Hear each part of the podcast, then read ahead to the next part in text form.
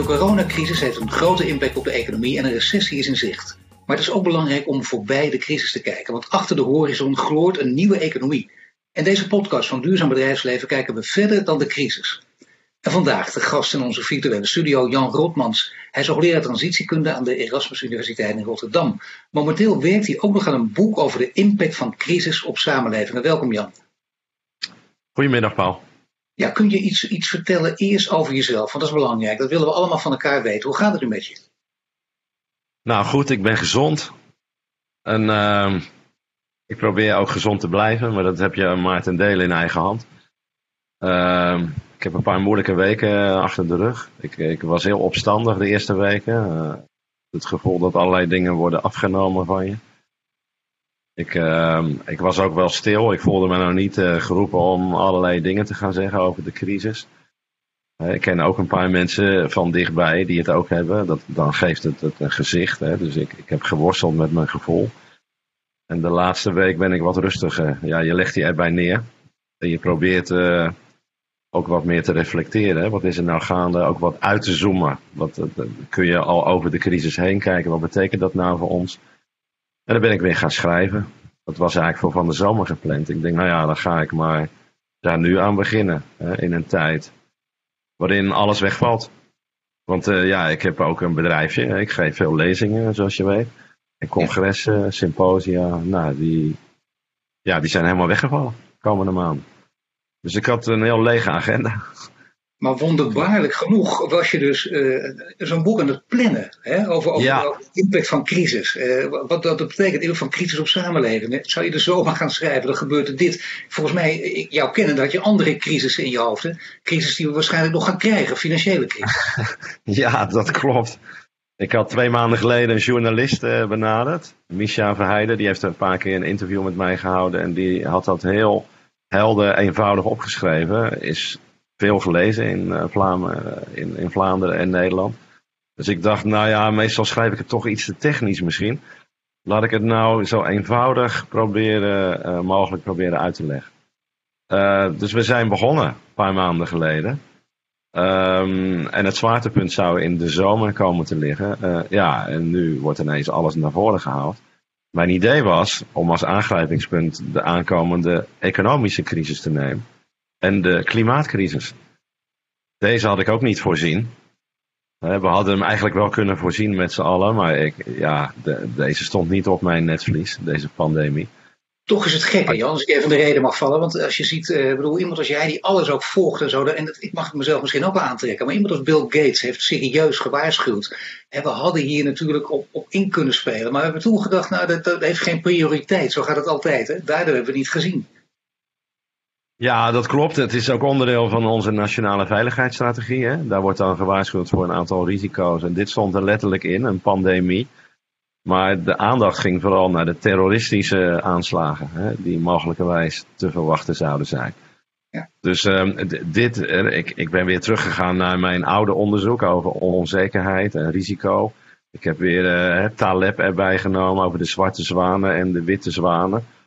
Um, uh, maar dit is eigenlijk geen zwarte zwaan. Hè. Dit is een blinde vlek, zoals wij het noemen. Dit is iets wat we eigenlijk wel wisten.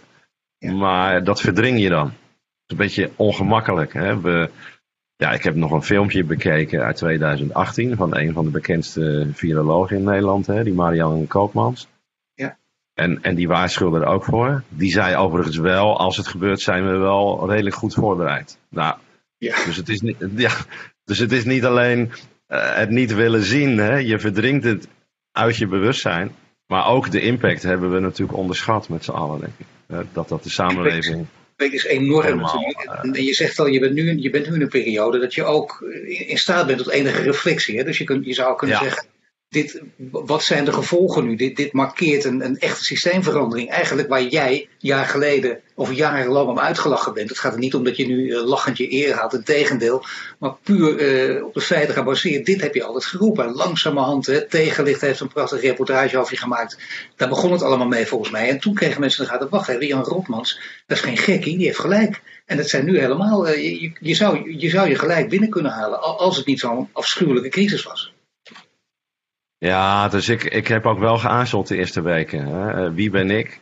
als er zoveel mensen lijden, om dan allerlei dingen te gaan roepen. Zeker dat je je gelijk uh, wilt halen. Mijn dochter zegt ook tegen mij, ga dat nou niet doen hè. La Louis van Gaal, want als, als mensen iets irritant vinden, is het wel als iemand roept, zie je wel, ik heb gelijk gehad. En, en daar heeft ze ook wel een punt. Hè? Ehm, maar diep van binnen voel je het natuurlijk wel. Hè? Ik, um, ik heb nog eens teruggekeken naar de afgelopen twintig jaar. Uh, en daar zie je dat we al vier van dit soort uh, schokken hebben gehad. Hè? Dit soort crisis. We hebben natuurlijk 9-11 gehad. Ja. Hè? Uh, terroristische aanslag. We hebben de diepe financiële crisis gehad, 2007, 2008. We hebben Fukushima gehad. En nu deze weer, pandemie. Dus gemiddeld elke vijf jaar.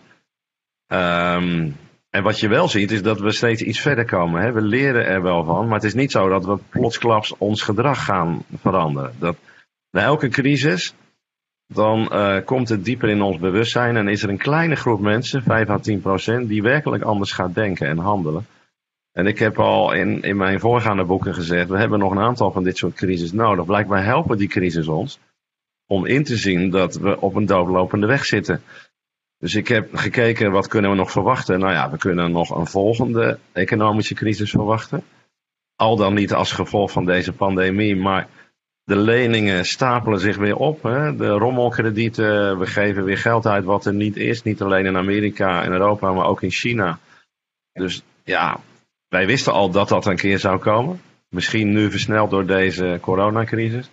De klimaatcrisis, ja, 35 jaar geleden ben ik ermee begonnen. 30 jaar geleden op gepromoveerd. Geen cum laude, omdat mijn commissie zei... misschien heeft u fascinerend onderzoek gedaan naar een niet bestaand probleem. Ja, ja, ja, ja echt waar. Dat, uh, uh, ja. Ik heb het allemaal bewaard. En, uh, dus ik heb nu een aantal mogelijke crisissen bedacht. En ik voorzie elke komende vijf jaar wel zo'n soort crisis.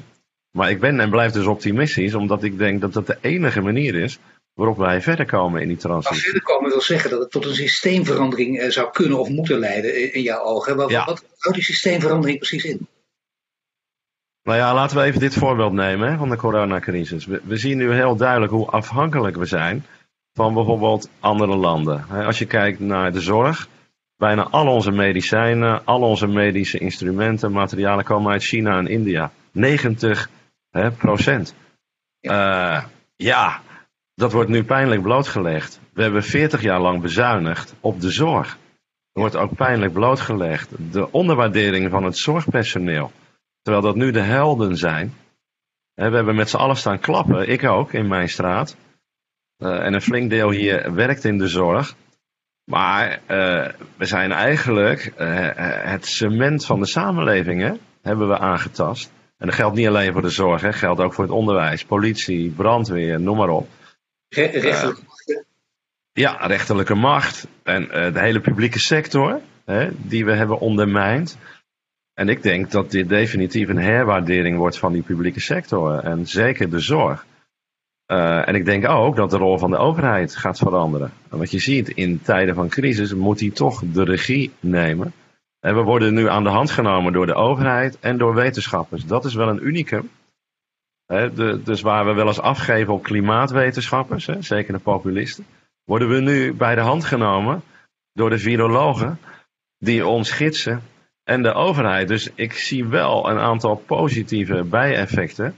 Mag ik daar toch één, eh, één kanttekening even bij maken? Want kijk, eh, daar staat tegenover dat uh, zeggen de economen zelf te weinig naar hen wordt geluisterd. Dat wil zeggen, de overheid stopt heel veel geld nu in dit verhaal. Maar ja, de overheid verdient zelf geen geld, dus schuift eigenlijk vooral vooruit. En wie dan? Uh, men is nu vooral bang, met name de jonge generaties, dat zij het op de bord krijgen. Want uiteindelijk uh, gaat het van de aandeelhouders af, dus uiteindelijk van de pensioenen. En dat betekent dat zij uiteindelijk de rekening gepresenteerd krijgen. Dat, dat, wordt het, dat is een negatieve kant van het verhaal. Of denk je dat het wel meevalt? Nou, ik vind, uh, de, laat ik zeggen, het antwoord van de overheid tot dusver heel goed dus dat ze zeggen, nou, we hebben zuinig aangedaan de afgelopen tien jaar. Dus we gaan heel veel geld uitgeven om deze crisis te bezweren. Voor zover dat kan. Overigens, er is wel een groot verschil tussen theorie en praktijk. Hè? Ik moet zelf ook aanspraak daarop maken. En die loketten zijn allemaal nog niet open. Hè? Dus er wordt wel gezegd dat je er gebruik van kan maken. Maar de bureaucratie is weer barstig. Maar goed, ik vind die houding wel goed. Maar het interessante wat je nu ziet is eigenlijk, er zijn twee stromingen. Hè? En je kan het bijna filosofisch vertalen in de Kantiaanse stroming en de utilistische stroming. Hè? Dus de Kantiaanse stroming zegt elk mensenleven telt. We moeten er alles aan doen om elk mensenleven te redden.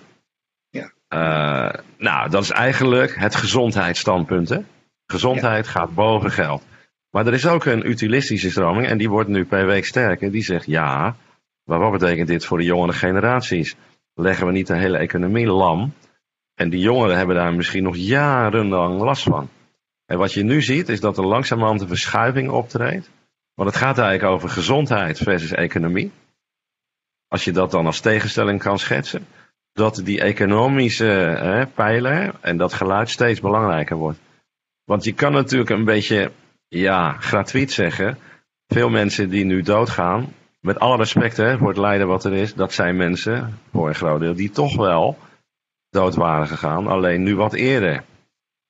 Uh, en nogmaals, ik ken alle kanttekeningen, er zitten ook jongeren bij. Maar grosso modo is dat wat er gebeurt wereldwijd.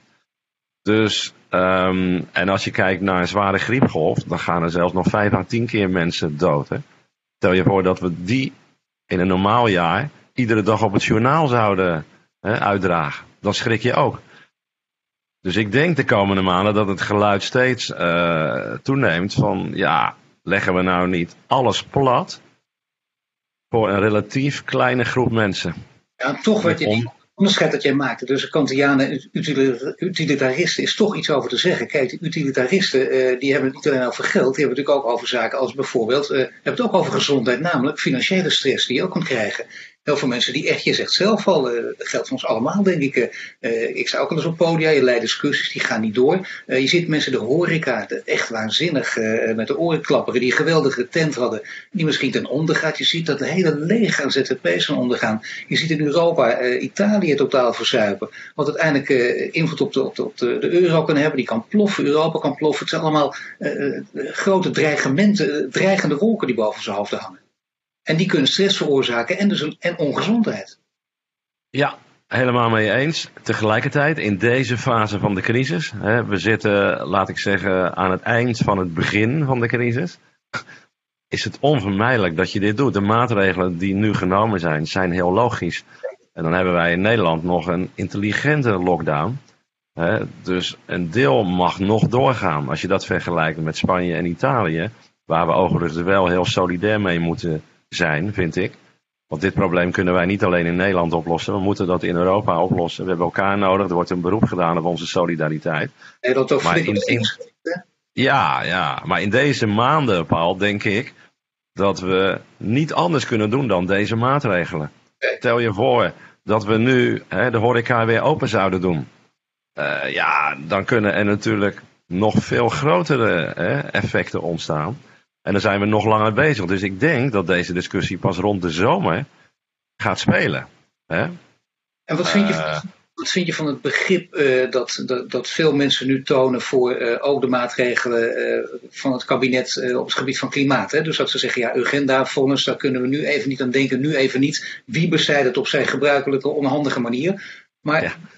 Nou ja, maar goed, je denkt toch, uh, luister even jongens, dit, moet, dit, dit, dit, is, dit kan vaak zijn. Als mensen zeggen nu even niet, daar kunnen ze, dat spelletje kunnen ze heel lang gaan spelen. En die klimaatverandering, dat is natuurlijk een enorm thema.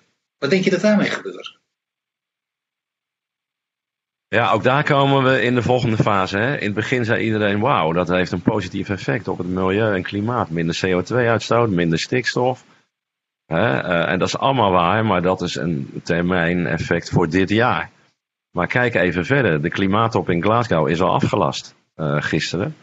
En dat was ongeveer de belangrijkste voor de komende jaren. Want de voorgaande liep vast in Madrid. Dus de verwachtingen waren hoog gespannen. Ik krijg al allerlei verzoeken van collega's die zeggen: hé, hey, wacht even. Wat we normaal zien bij deze economische crisis, er wordt heel veel geld gepompt om de economie zoals we die nu hebben overeind te houden. Ja. Dus het geld gaat naar het bestaande. Dat gaat meestal ten koste van het geld in de nieuwe groene duurzame economie. Dus als we dit uitschuiven, hè, voor ons uitschuiven aan de ene kant qua urgentie, en we stoppen minder geld in de nieuwe economie en meer in de bestaande oude economie, ja, dan hebben we echt een probleem. Dan durf ik de uitspraak wel te doen, dan zitten we binnen tien jaar met een echte klimaatcrisis, die nog vele malen heftiger is dan deze. Dus dat, maar dat is het lastige. Ik, ik merk als ik er nu over begin, dan word ik bijna ja, bedreigd en beschimd door mensen die zeggen: hoe durf je daar nu over te beginnen? Weet je wel? Dat iedereen zit. Maar ik denk binnen een paar maanden dat we gewoon moeten zeggen: jongens, um, dit is weliswaar een reset. Maar als we hiervan leren, betekent het eigenlijk dat we nog meer middelen moeten stoppen in het aanpakken van het klimaatprobleem. Anders hollen we van de ene crisis naar de andere. Maar je zegt ook Glasgow inderdaad afgezegd. En, uh, moeten is juist geboden om naar lange termijn te krijgen. Het is heel goed dat je zelf ook uh, de, de, deze toevoegingen maakt. Hè? Want je begrijpt de emotie van mensen op dit moment. Ja. Kijk ook vooruit. En diezelfde mensen zijn er misschien wel bij gebaat dat het ook allemaal goed komt. Ook op lange termijn. En dat wil zeggen dat je bijvoorbeeld de Green Deal in Brussel. Uh, dat je innovatie, bedrijfsleven op dit soort terreinen ook ruim baan blijft geven. Ja, helemaal eens. Het paradoxale van deze tijd is, we hangen nu nog in onze emotie en dat is volslagen begrijpelijk. Maar we moeten toch binnen een paar maanden uit die emotie stappen en zeggen, jongens, als we nou willen voorkomen dat we elke vijf jaar in zo'n crisis komen, dan moeten we nu gaan doorpakken. De Green Deal moet van de grond komen. Eigenlijk hebben we in Nederland ook een doorvertaling nodig van zo'n Green Deal. Hè, die eigenlijk breder is dan het klimaatakkoord in Brussel. We moeten mondiaal hè, um, de zaak gaan aanpakken, want bijna alle landen lopen achter bij de toezeggingen die ze hebben gedaan in Parijs vijf jaar geleden. Ja. Um, dus eigenlijk vanuit onze emotie en gevoel moeten we ons kunnen inbeelden binnenkort wat bijvoorbeeld een klimaatcrisis betekent hè, wereldwijd. Nou, dan zou je het over 10 à 100 keer zoveel doden hè, uh, kunnen hebben als nu. Uh, dus het gevoel moeten we vertalen in iets positiefs om te voorkomen dat we naar de volgende crisis hollen, de klimaatcrisis. En dat was eigenlijk de aanleiding voor mijn nieuwe boek. Ja. Maar ik worstel er zelf ook mee, hè, zoals je uh, begrijpt. En ja, wie niet? Het is, ja, maar die discussie... Dat kun je nagaan als je daar zo mee worstelt. Hè? Ook iemand als jij die al jarenlang uh, actief is op dit terrein, daar heel veel van nagedacht heeft. Ook heel veel mensen heeft toegesproken in zalen. Ook met charisma mensen toegesproken. Dan weet jij toch als geen ander wat voor leiderschap er nodig is. Leiderschap dat durft te twijfelen misschien wel. Klopt. En uh, ik probeer dat leiderschap ook uit te oefenen. Hè, door uh, ook mensen hoop en troost te bieden. Door de tijd uh, proberen te duiden. Door ook op de positieve effecten te wijzen. Hè, blijkbaar hebben we dit soort crisis nodig om verder te komen in de evolutie. Dus die rol pak ik ook. Maar leiderschap heeft ook te maken met timing. Ik, ik werd van de week een paar keer benaderd door collega's om actie te starten voor een nieuw klimaatoffensief. En toen zei ik nou, ik denk dat het nu nog te vroeg is. Ja. Maar ergens rond de zomer of daarna denk ik dat de tijd rijp is. We moeten, het heeft ook te maken met het juiste moment. Hè? Uh, en dat merk ik ook eh, op het gebied van de sociale media. Maar je kan niet vier of vijf maanden blijven hangen in de emotie van deze crisis. We moeten juist door. Dus um, ik, ik zit nu in de. In de... En wat betekent dat? Mag ik weten met wie? Welke club is zich aan het vormen? Om, om, is, is, is de geest rijp aan het maken om uh, in de zomer of net na de zomer met, met misschien een groot manifest of pamflet te komen? Ja, nou ja, om nou gelijk namen te noemen. Uh... Ah, kom op, hè. Ik bedoel, uh... ja. We zitten hier nou toch, hè? Nou het is duidelijk dat de milieuclubs hè, ook internationaal daarop broeden, uh, ook in Nederland. Um, maar ik werd bijvoorbeeld ook uh, benaderd door, um, uh, hoe heet hij, onze watergezant um, die wij hebben. Henk Ovink. Henk Ovink. Die zei, Jan, we moeten nu juist actie ondernemen. Hè? Hij wees op een manifest in de Verenigde Staten van duizenden onderzoekers. Die zeiden, want je kan het ook omdraaien, die zeiden, blijkbaar is er nu een diepe crisis en we kunnen gelijk handelen. Stel je voor dat we dat op klimaatgebied nu doen. Als dezelfde urgentie er is, kunnen we blijkbaar meteen doorpakken was ook een, uh, een artikel van een voormalig collega van mij, professor Schellenhuber van het Potsdam Instituut, die daar ook op wees. Nou, die duizenden onderzoekers in Amerika, En hij zei, zullen we zoiets ook in Nederland en Europa opstarten? Toen zei ik, ja, goed idee. Uh, maar nu nog even niet. Ik denk dat het te vroeg is, want je moet ook uh, de publieke opinie kunnen mobiliseren. En ook uh, de politiek en het bedrijfsleven. Uh, Denk je wel, als je, als je dit tot stand gaat brengen, dat het wel uit Europa moet komen? Want ik zie dat er af en toe verdeeldheid over is. En uh, degenen die, die voor zijn, die zeggen: Europa, daar wonen toch de meest hoogopgeleide mensen, de mensen die hiervoor openstaan. Die moet je bij elkaar zetten. De mensen die jij net zelf al noemt, de mensen die zich aan het groeperen zijn, die kunnen het doen. Wij staan hiervoor open, wij moeten nu doorpakken. Niet polderen, maar gewoon nu echt toeslaan. Nou ja, ik denk als je kijkt naar leiderschap, dan heb je het ook over publiek leiderschap, hè, opinieleiders. Uh, ook buiten de politiek, uh, die het moeten oppakken. Ik denk dat wij juist nu heel veel kunnen bereiken. Um, en ik denk dat Europa zeker ook. kijk, zo'n crisis heeft altijd het maximale effect als het aangrijpt op iets wat al lang gaande is. Hè? Ja. En je ziet op klimaatgebied, dat zag je ook in Europa met de Green Deal de geesten zijn er langzamerhand rijp voor. Dus je kan het ook gebruiken om nu door te pakken. Hè, als we het juiste moment kiezen. En dan denk ik dat Europa wel de juiste scope is. Hè, want Europa heeft ook behoefte aan een gezamenlijk plan. Ook behoefte aan een gezamenlijk innovatiebeleid. Nou, de huidige Green Deal zit in dat opzicht best goed in elkaar. Al mag het wel wat scherper en radicaler wat mij betreft. Um, ook mag het radicaler. Nou ja, kijk, uh, als je kijkt naar wat voor middelen daarachter zitten en wat het idee is, dan gaat toch weer een deel naar de gevestigde orde. Hè?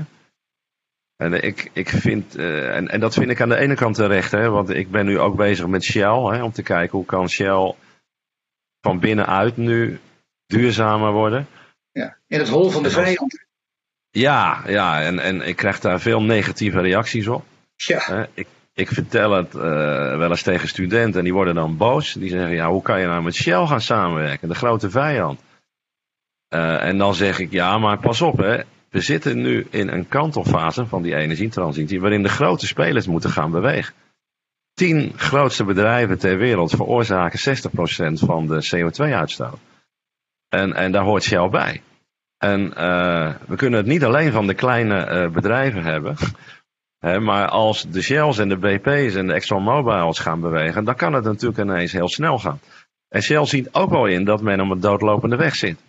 en, uh, en ook de mensen, ik, ik, doe dan zo'n transitietraject met twintig koplopers binnen Shell Nederland.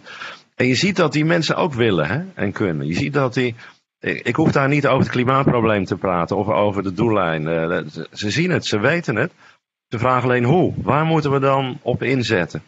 En dat is een groot verschil met vijf of tien jaar geleden.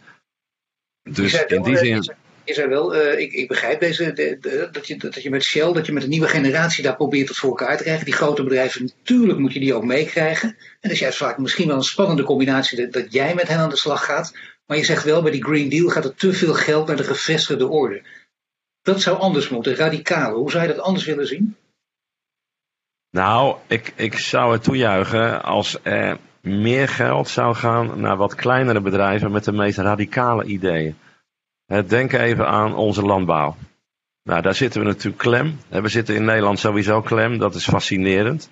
We hebben te maken met stikstof, we hebben te maken met CO2, we hebben te maken met PFAS. Ja, ik heb gezegd, als we zo doorgaan, staan we elk jaar voor de rechter, hè, als overheid. Ja. Uh, dus ja, dat dwingt ons om een echt andere route te kiezen. Nou, een circulaire landbouw.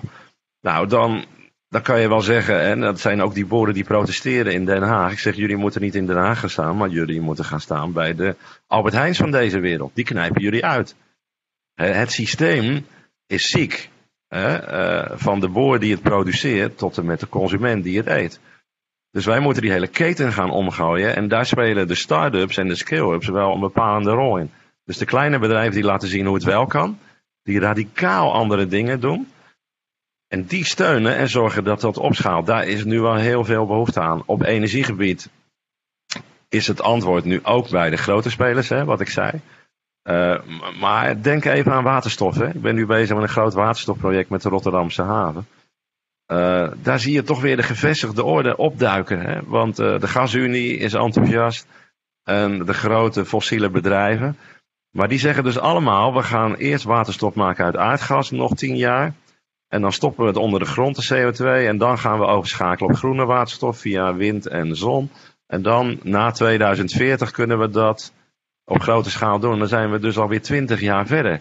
Maar dat is, in de, dat is in het licht van de geschiedenis toch helemaal niet zo ver. Bedoel, als dat plan wordt uitgerold, dan denk je, nou dan heb je toch allerlei partijen waar je in eerste instantie niet aan gedacht had, die zitten bij elkaar. En dan heb je binnen 20 jaar iets moois tot stand gebracht.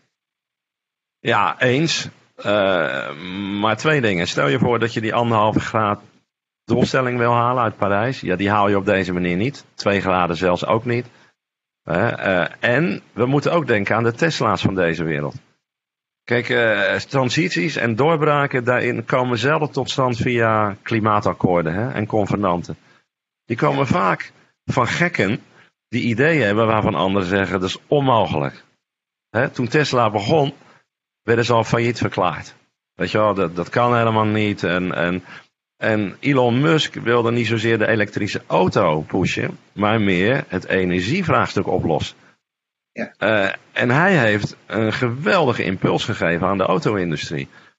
Uh, en dat heeft verder weinig met Brussel te maken, zie je? Dus dat helpt ook wel mee. Maar het zoeken van die gekken die met radicale doorbraken komen, dat zou een belangrijk onderdeel van de Green Deal moeten zijn, vind ik. Die gekken, en, en zijn, hoor... die gekken zijn ook meestal optimistisch. Hè? Een citaat van jou. Ja, dat ben ik zelf ook. Plicht, een morele plicht om optimistisch te zijn. Maar ja. altijd een beetje ondersluit van echt ben ik het niet, maar gelukkig heb ik nog die morele plicht.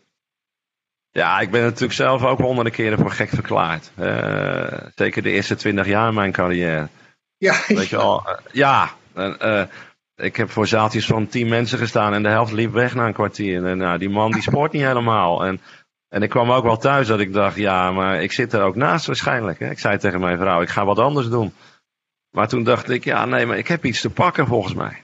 Uh, en, en toen ik ging werken aan het klimaatprobleem bij het RIVM, ik heb tien jaar bij het RIVM gewerkt. Daar was ik eigenlijk te ondeugend voor. Ik was natuurlijk wel heel recalcitrant. En, en op het irritante af, denk ik, maar ik kreeg daar alle ruimte.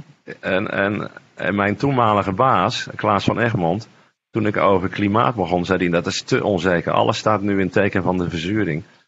Uh, maar ik kreeg toch de ruimte om ermee door te gaan. Dat klimaatmodel wordt nog steeds doorontwikkeld. En toen begon ik met transitie. Toen zeiden ja, nu ga je te ver. Uh, dat wordt nooit wat. En toen ben ik weggegaan naar de Universiteit Maastricht. Uh, dus um, ik wil mezelf niet als norm nemen. Maar je hebt natuurlijk wel mensen nodig waarvan anderen zeggen, ja, dat is gek. Hè?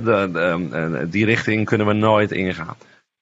En daar blijkt toch wel eens uit dat dat wel zinnig kan zijn, weet je wel. Dus als je al het geld aan de gevestigde orde geeft, weet je vrijwel zeker dat er geen doorbraken kan.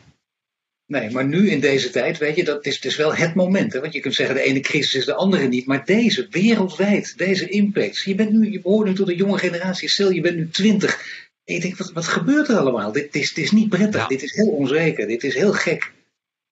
Ja, dat klopt. En het voordeel is wel, ik check het bij mijn kinderen. Mijn dochter is 27, mijn zoon 23.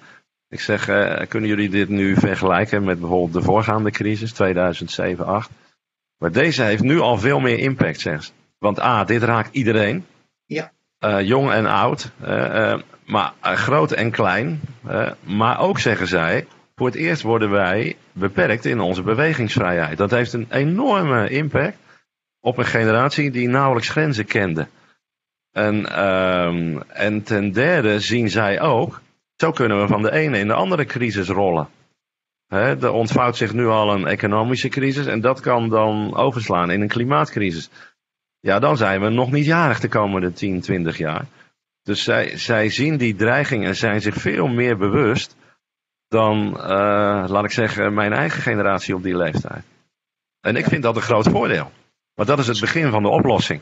Dat is een groot voordeel. En dan, dan, moet je dus bij de hand genomen worden. Daar komt het uiteindelijk toch op neer. We praten altijd hier met, bij, bij duurzaam bedrijfsleven over green leaders. Met mensen die op dat punt echt leiding kunnen geven. Zowel in de politiek, dus bij de overheid, als in het bedrijfsleven. Als bij de kennisinstellingen. En, en misschien is er wel één die er bovenuit springt. Of ken je twee of drie naast jezelf. Of je zegt, die kunnen dit gaan doen. Daar hadden we het net even over, maar die bleef hangen. Hè? Laten we zeggen, de Gandhi van deze tijd. En die dan ook nog innovatief denkt. Ja, ja, ja, ja. Nou ja, kijk, laat ik een paar namen noemen. Hè. Ik, ik vind, uh, uh, ik, ik heb er lang op gewacht, moet ik eerlijk zeggen. Maar het leiderschap wat Mark Rutte nu etaleert. Ja, er is wel een diepe crisis voor nodig, maar daar hebben we lang op zitten wachten. en ik heb een paar gesprekken met hem mogen voeren de afgelopen jaren. Dat ging ook over leiderschap en visie, daar had hij niet zoveel mee. Nee. Maar, nee, en, en, maar hij ziet waarschijnlijk nu wel waarom het nodig is. Ja. Dat is één. Fijke Siebesma vind ik wel een uh, mooi voorbeeld van een leider. Uh, nu ook weer duikt hij op in de coronacrisis. Uh, ook niet geheel ten onrechte, hè, want dat, dat Zwitserse bedrijf dat was opgekocht, hè, Roosje, door Unilever. Hè. Dus ook, dat, dat zit allemaal aan elkaar vast natuurlijk. Ja. En hij moest er ook voor zorgen dat die recepten hierheen kwamen en die instrumenten. Maar goed, het is niet alleen pragmatisch, hij etaleert wel een soort leiderschap waarvan ik zeg, ja, dat hebben we nodig. Je, je hebt eigenlijk maar drie, vier, vijf mensen nodig. Hè? Eén uit de wetenschap, één uit de politiek, één uit het bedrijfsleven, één uit de maatschappelijke hoek. Hè, denk aan uh, Urgenda en, en Marjan Minnesma. Nou, uh, ik heb ooit Urgenda bedacht in bad. Uh, wij, ja. nou ja, nou ja, ik bedenk niet altijd leuke dingen hoor in bad. Maar dit, uh, dit vond ik wel aardig. Want um, twaalf jaar geleden, wij waren bezig met transitieonderzoek. Hè, op tien universiteiten. En we hadden 10 miljoen gekregen daarvoor uit de aardgasbaten, notabene. Dus er was heel veel geld toen. En uh, we begonnen in 2003. En uh, tien jaar lang onderzoek uitgevoerd. En ik ben toen ook begonnen met drift in Rotterdam. En toen zei Marjan, hoeveel van die kennis wordt nu echt gebruikt in de praktijk? Ik zei, nou, nog geen 5%.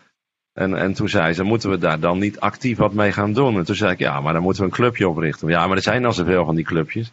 Ja, maar meer een Gideonsbende. Een Gideonsbende. En nou ja, twaalf jaar geleden, toen, uh, toen zei ik, dan schrijf ik wel een manifest. Dat heb ik toen gedaan. Dat kwam in de NRC, een hele pagina. Heel veel mensen hebben dat boven hun bed uh, uh, gehangen. Dat waren 40 doelstellingen voor 40 jaar, vanuit de lange termijnvisie. Nou, toen hebben we Agenda opgericht. Er is geen één doelstelling uitgekomen, daar ben ik ook wel trots op. We hebben er niet één weten te realiseren. Maar we hebben wel veel impact gehad. Op een hele andere manier dan we toen hadden kunnen voorzien. En iedereen raadde ons af om daarmee te beginnen. Iedereen zei, er zijn al genoeg van die clubjes. En toen dachten wij, maar dat hebben we allebei wel. Als iedereen zegt, je moet het niet doen, dan gaan we het juist doen. En ik heb het toen op een bierveeltje geschreven, op de achterkant van een bierveeltje. En uh, dat draagt uh, Marjan nog steeds iedere dag uh, bij zich in haar handtas. En dus ja, grote dingen ontstaan vaak heel klein. Door een paar mensen die elkaar vinden. Ik denk als drie, vier, vijf mensen elkaar vinden in Nederland of in Europa. Dan kan er iets heel moois gebeuren. Ja, dat, dat zijn de dwarsdenkers waar ik het altijd over heb. En de friskijkers. En ik zou zeggen, dat, dan is dit eigenlijk het moment ervoor. En we wachten even af tot de zomer. Er komt er een boek voor jou. Wie weet, een nieuwe Gideonsbende die opstaat. Ik dank je voor dit gesprek. Jan Roepmans, hoogleraar Graag gedaan. En dit was de crisiskast van Duurzaam Bedrijfsleven. Een podcast en een video over leiderschap in tijden van crisis. We zijn binnenkort terug met een nieuwe crisiskast. En later dit jaar dan hoor je Jan Roepmans terug in onze Green Leaders podcast. Tot snel.